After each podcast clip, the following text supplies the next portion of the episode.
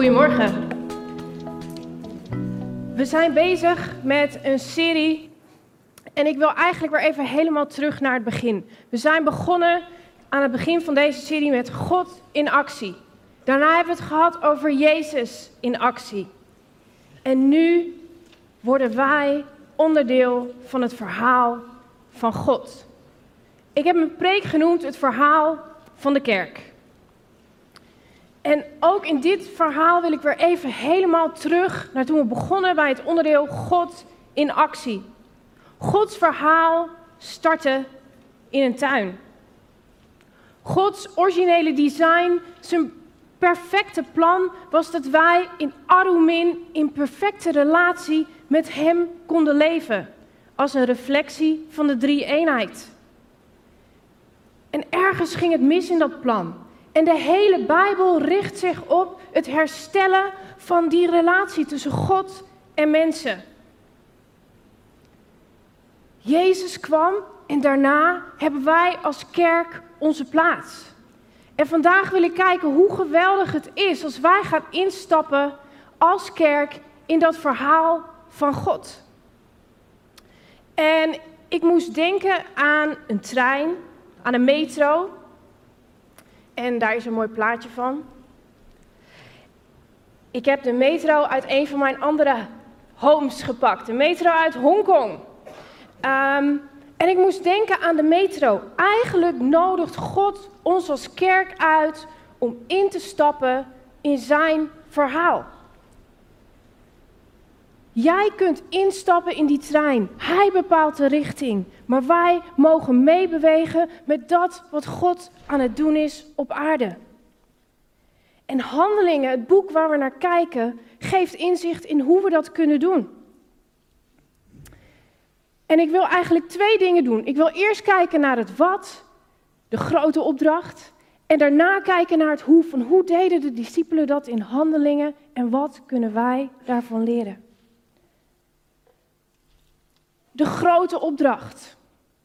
Iemand zei in het Engels een keer: The Great Commission was not a great suggestion. De grote opdracht was niet een grote suggestie. God gaf ons dat niet met het idee, nou, misschien als je er zin in hebt, toevallig zou je dan uit willen reiken naar. Nee, het is zijn plan geweest vanaf het begin. Het was Gods plan vanaf het allereerste begin dat wij tot zegen zouden zijn voor de volken. En om te laten zien waar dat al begon, gaan we terug naar Genesis 12. Daar zie je eigenlijk dat de natie van Israël wordt gecreëerd. Als God met Abraham een verbond sluit. En God zei tegen Abraham: Ik zal je tot een groot volk maken. Ik zal je zegenen. Ik zal je aanzien geven. Een bron van zegen zul jij zijn.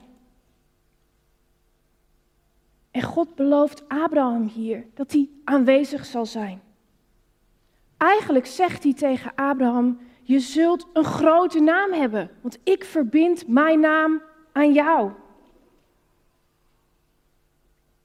Hij belooft Abraham een grote natie, een groot gezin, een grote familie. En hij geeft Abraham een grote missie. Jouw volk zal tot zegen zijn voor alle volken. Hier begint het al. God wil dat het volk Israël andere volken zegent. Ik zegen jou, Abraham, zodat jij tot zegen kunt zijn. Die grote opdracht, die start hier al in Genesis 12.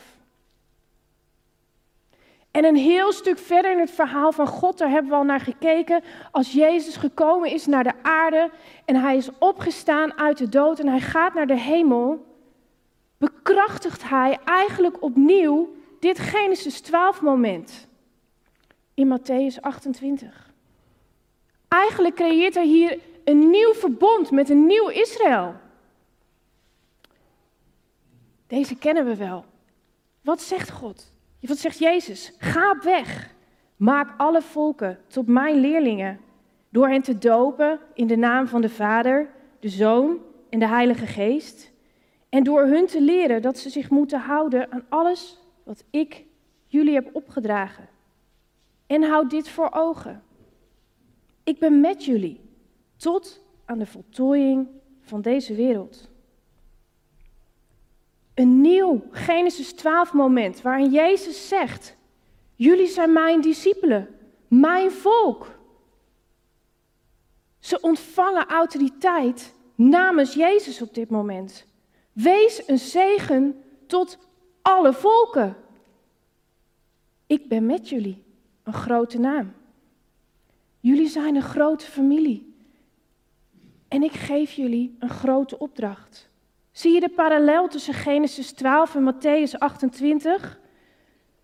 Het nieuwe Israël, de nieuwe kerk, krijgt een belofte, een opdracht, dezelfde opdracht die God aan Abraham gaf, geeft hij opnieuw aan de discipelen. Het is zijn opdracht, zijn originele plan vanaf het begin af aan geweest dat we uit zouden reiken naar anderen. Dat het volk Israël tot zegen zou zijn voor andere volken. Hij wil zijn liefdesverhaal herstellen met de hele wereld. En we zijn bezig in het boek Handelingen. Pieter is daar vorige week begonnen door al dingen te vertellen over de kerk. En ik denk dat het heel veel handvatten geeft hoe we dat kunnen doen. Dit is een grote opdracht. En hoe geven we die handen en voeten? En als je kijkt naar handelingen, dan denk ik dat het heel veel zegt over hoe Gods geest in de kerk kwam om voor te zetten wat Jezus begonnen was hier op aarde. En hoe we dat kunnen doen met de Heilige Geest. Handelingen geeft inzicht in hoe de kerk in woord en in daad samen leefde. Er werden diverse gemeenschappen gevormd van verschillende volken. En iedereen was gelijk. Er was vertrouwen in de leiding van de Heilige Geest. En een ding wat uit handelingen heel sterk naar voren komt. Wij, de kerk, zijn Gods plan A voor de wereld. Er is geen plan B. God wil jou en God wil mij gebruiken om mensen over Hem te vertellen. Er is geen plan B. Jij, wij zijn plan A van God. En het boek Handelingen is nog niet klaar. Wij schrijven elke dag nieuwe hoofdstukken aan dit boek. Als we gaan samenwerken met God en instappen in die metro, in die trein, dan schrijven wij nog steeds verder aan het boek Handelingen.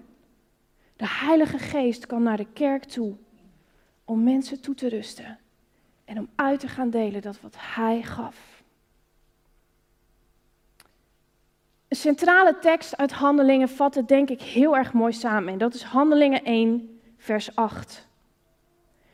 Maar wanneer de Heilige Geest over jullie komt, zullen jullie kracht ontvangen en van mij getuigen in Jeruzalem, in heel Judea, Samaria tot aan het uiteinde van de aarde. Deze gaan we in twee stukjes uitpakken. Wanneer de Heilige Geest over jullie komt, zullen jullie kracht ontvangen. Het is de Heilige Geest door ons heen. Het is niet aan ons, het is niet onze kracht. Het is Hij die het doet door ons heen. Maar dat betekent wat voor ons? Dat betekent dat we beschikbaar moeten zijn. Dat we bereid moeten zijn om als instrument in Zijn hand te te zijn. En klaar te zijn, iedere dag, iedere ontmoeting, ieder moment, want het kan significant zijn. Wees ontvankelijk voor wat God door je heen wil doen. Iedere dag zijn er momenten, heb je ontmoetingen. Ben je je bewust dat God die mensen misschien in die dag wel op jouw weg heeft geplaatst? Ik vergeet het heel vaak. We hadden het erover toen we pas evangeliseerden met de kerk op de markt. Dat God ook mij weer confronteerde. Ik dacht, hoe vaak loop ik hier? Nu kijk ik heel bewust rond met wie ik kan gaan praten. Hoeveel dagen loop ik gewoon naar de Albert Heijn en denk ik niet na dat die persoon die ik tegenkwam misschien wel met mij wilde praten of ik iets kon uitdelen. Samenwerken met de Heilige Geest betekent beschikbaar zijn. Open zijn voor wat Hij tegen je spreekt.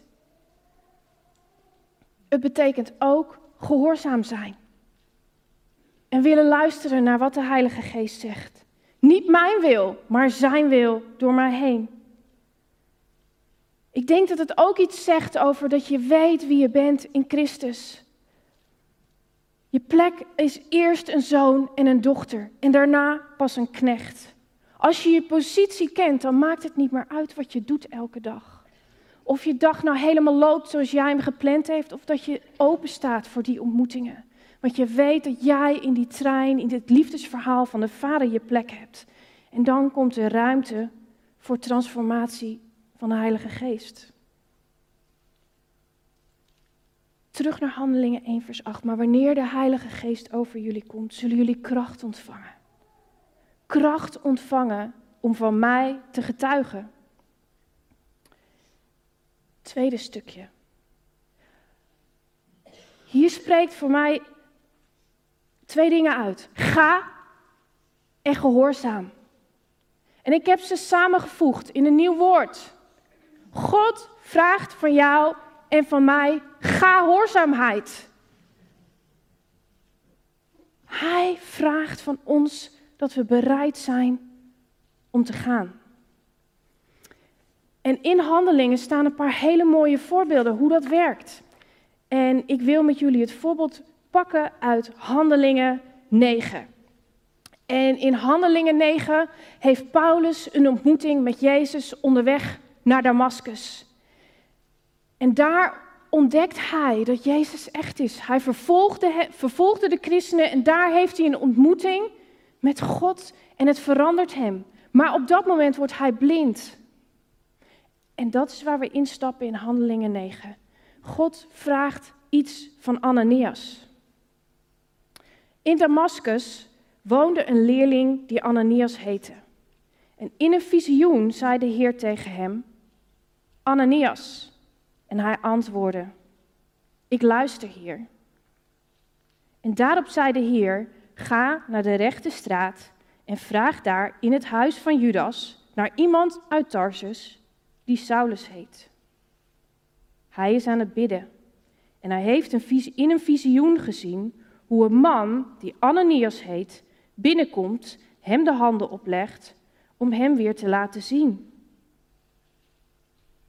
Ananias antwoordde: Heer, van veel kanten heb ik gehoord over deze man en over al het kwaad dat hij u heilig in Jeruzalem heeft aangedaan. Bovendien heeft hij toestemming van de hoge priesters om iedereen die, in uw naam, die uw naam aanroept in de boeien te slaan. Maar de Heer zei: Ga, want hij is het instrument dat ik gekozen heb om mijn naam uit te dragen onder alle volken, heersers en onder alle Israëlieten. Ik zal hem tonen hoezeer hij moet lijden omwille van mijn naam.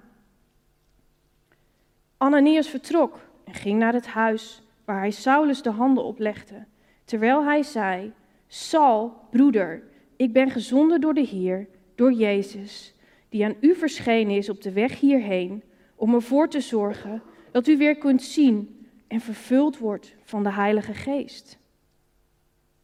Meteen was het alsof de schellen van Saulus ogen vielen. Hij kon weer zien, stond op en liet zich dopen.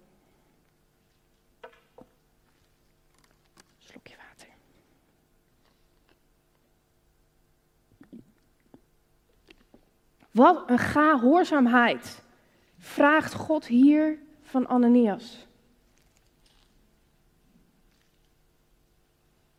De Heilige Geest geeft Ananias in dit voorbeeld ontzettend specifieke instructies. Ga naar de rechte straat, naar het huis. Daar is Saulus, de man uit Tarsus, die je kent. En ga dit of dit doen. En Saulus weet dat jij komt. God is heel specifiek in de dingen die je jou en mij wil vertellen als we samen gaan werken met Hem. En God vraagt van jou en van mij gehoorzaamheid. Niet het uitleven van onze ambities, niet het uitleven van wat wij denken dat het beste is, maar zijn idee. Ananias gaat zelfs in discussie hier met God. Ja, maar God, dit kan toch niet? Ik denk dat we ons allemaal herkennen. Ik, ik herken mezelf hier wel in. Die neiging heb ik soms ook om te denken dat ik het beter weet. God vraagt van jou en van mij gehoorzaamheid. We gaan en we gehoorzamen. Wij zouden zo vaak andere keuzes maken. Maar wij zien niet het hele plaatje. Het is God die zijn liefdesverhaal met de wereld aan het herstellen is en ons wil gebruiken. Sta je open? Ben je bereid om met de Heilige Geest mee te bewegen? Geef je God de ruimte om op deze manier door je heen te werken.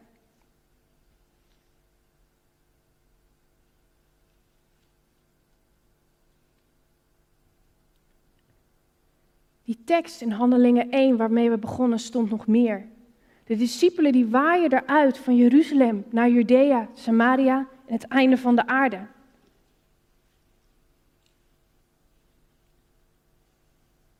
In Handelingen 10 staat daar een heel mooi verhaal over, wat ik denk dat heel cruciaal is voor ons om in deze tijd te snappen hoe wij als kerk onderdeel werden van het liefdesverhaal en het herstelplan van God de Vader.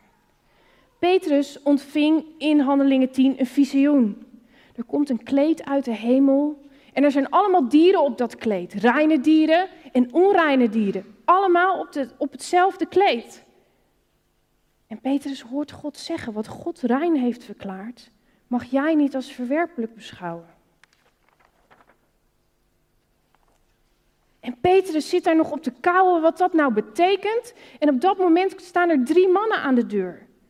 Of hij weet dat er drie mannen gaan komen. En God zegt tegen hem: ga zonder aarzelen met hem mee. En die drie mannen die komen aan de deur. En ze zeggen: Cornelius zag een engel en stuurde ons hier naartoe omdat hij zei dat u ons iets te vertellen heeft. En Petrus gaat mee. En op het moment dat hij bij Cornelius komt, die geen Jood is, begrijpt Petrus wat God aan het doen is. God maakte me duidelijk dat ik geen enkel mens als verwerpelijk mag beschouwen. En in Handelingen 10 zegt Petrus iets heel cruciaals, iets heel belangrijks, waar wij als niet-Joden onze plek als kerk volledig kunnen innemen in het verhaal van God. In Handelingen 10, vers 34 en 36 staat: Nu begrijp ik pas goed dat God geen onderscheid maakt tussen mensen, maar dat Hij zich het lot aantrekt van iedereen, uit welk volk dan ook, die ontzag heeft voor Hem en rechtvaardig handelt. God heeft aan de Israëlieten bekendgemaakt dat Hij door Jezus Christus het goede nieuws van de vrede is komen brengen. Deze Jezus is de Jezus van alle mensen. Deze Jezus is de Heer van alle mensen. En Petrus blijft nog een poosje in dat huis van Cornelius en de Heilige Geest daalt neer op de heidenen. Voor de allereerste keer ontvangen niet-Joden het geschenk van de Heilige Geest. Een nieuw Pinksteren. Een tweede Pinkstermoment waar God zegt: niet alleen mijn eigen volk, maar elk volk is onderdeel van mijn verhaal. En daarmee is ook die grote opdracht waarmee ik begon, net zoveel van ons als dat hij daarvoor was van het volk Israël.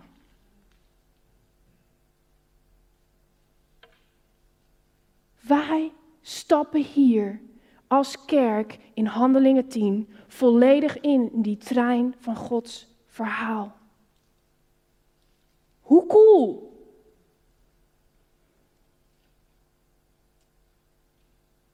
Die grote opdracht is net zoveel van ons als dat die was van de discipelen. Ze gingen naar Judea, Samaria en het einde van de aarde. Het plaatje mag, Maarten. En dat ging niet helemaal vrijwillig, hè? Ze werden vervolgd. Ze werden uit Jeruzalem weggejaagd. Ze gingen de wereld in. Dat was niet omdat ze dachten: oké, we gaan. Het was best prettig met elkaar daar in Jeruzalem. Ze gingen uit en waren trouw aan wat God deed. Jeruzalem was de plek waar Jezus was gestorven. Daar begon het herstel van Gods plan. Daar waar hij gekruisigd was, begonnen ze om te vertellen over die Jezus die was opgestaan uit de dood. Ze gingen naar Judea, de plaats waar niemand naar Jezus wilde luisteren, waar Jezus was afgewezen. Ze gingen naar Samaria, het volk waar ze al die jaren op neergekeken hebben. En ze gingen naar het einde van de aarde. Vanaf Handelingen 13 zie je de eerste zendingsreizen door Paulus worden ondernomen. Wat betekent dit beeld van Jeruzalem, Judea, Samaria eigenlijk nu? Jouw Jeruzalem zijn de mensen die heel dichtbij je staan. Je vrienden, je familie, je collega's. Jouw Judea, of ons Judea, zijn de mensen uit Nederland, onze eigen cultuur, die we niet persoonlijk kennen. Ons Samaria zou je kunnen vertalen naar vluchtelingen, immigranten, etnische groepen die in Nederland zijn. En het einde van de aarde is nog steeds hetzelfde. Iedereen die Jezus nog niet kent.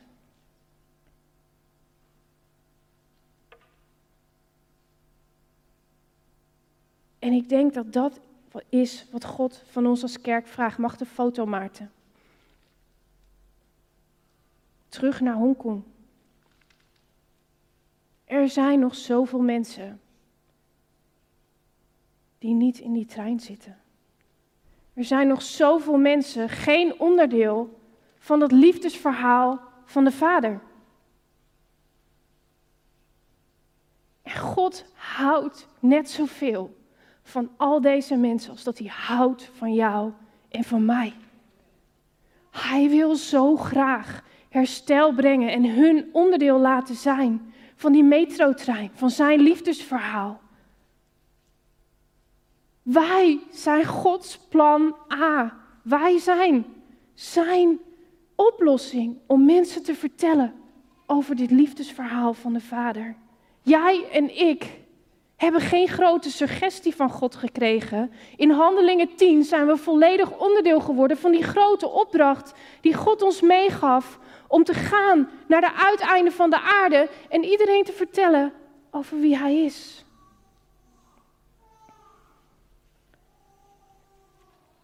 We schrijven nog iedere dag nieuwe stukken aan het boek van Handelingen. Wees beschikbaar. Wees een instrument in zijn hand. Wees klaar, iedere dag, iedere ontmoeting. Want God kan iemand op je weg hebben geplaatst. Wees ontvankelijk en open voor dat wat God wil doen. En ben jij bereid om te zeggen: Oké, God. Niet mijn wil, maar uw wil door mij heen. Dan is er ruimte voor de Heilige Geest om ons te transformeren, om ons hiervoor klaar te maken. Judea, Samaria en het einde van de aarde is een plaatje wat heel erg linkt aan Israël. Ik heb nog gezocht naar een manier om dat meer te vertalen naar het hier en nu. En dan zijn er eigenlijk drie groepen waarvan ik denk dat God zijn hart huilt. Gods hart huilt over die mensen die nog niet onderdeel zijn van het liefdesverhaal. En in het Engels zijn dat the least, the last en the lost. De minste, de laatste en de verlorene.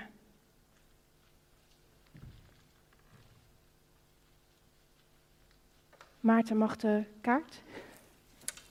Dit is een plaatje wat je misschien kent of nog nooit hebt gezien. In die rode balk heeft 90% van de mensen nog nooit van Jezus gehoord.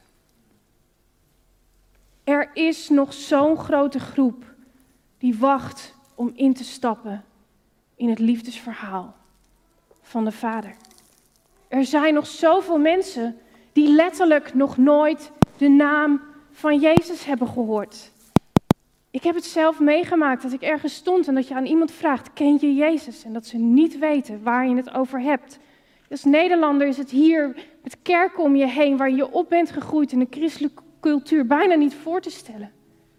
Maar er zijn zoveel mensen die wachten op dat perron om in te stappen in die trein. Maar ze hebben iemand nodig die het ze komt vertellen. Ook hier om ons heen, de last, zijn zoveel mensen die verloren gaan. Die denken dat ze snappen wie God is, omdat ze ooit misschien een keer in een kerk zijn geweest. Maar hebben ze echt het originele plan wat God had voor ons als mensen?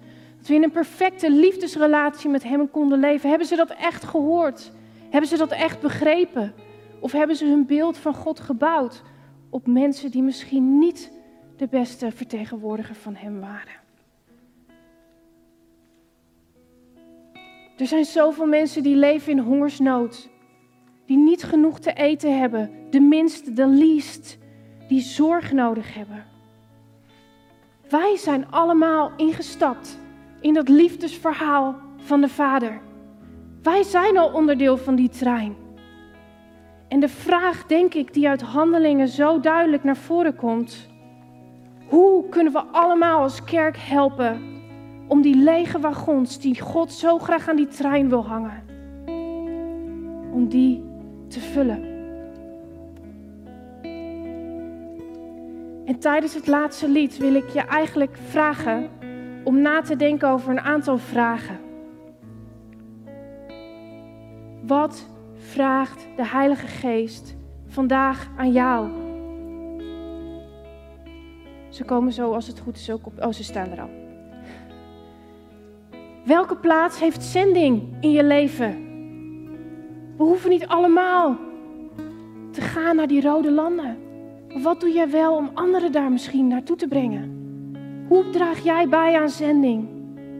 En welk stuk van de grote opdracht is er voor jou? En welke belofte wil jij maken over jouw rol in het vervullen van de grote opdracht? Jullie hebben allemaal op je stoel een kaartje gevonden en een pen. En mijn vraag aan jou is om na te denken tijdens dit lied. Wat vraagt God van mij? Wat kan ik doen in het bereiken van de least, the last en the lost?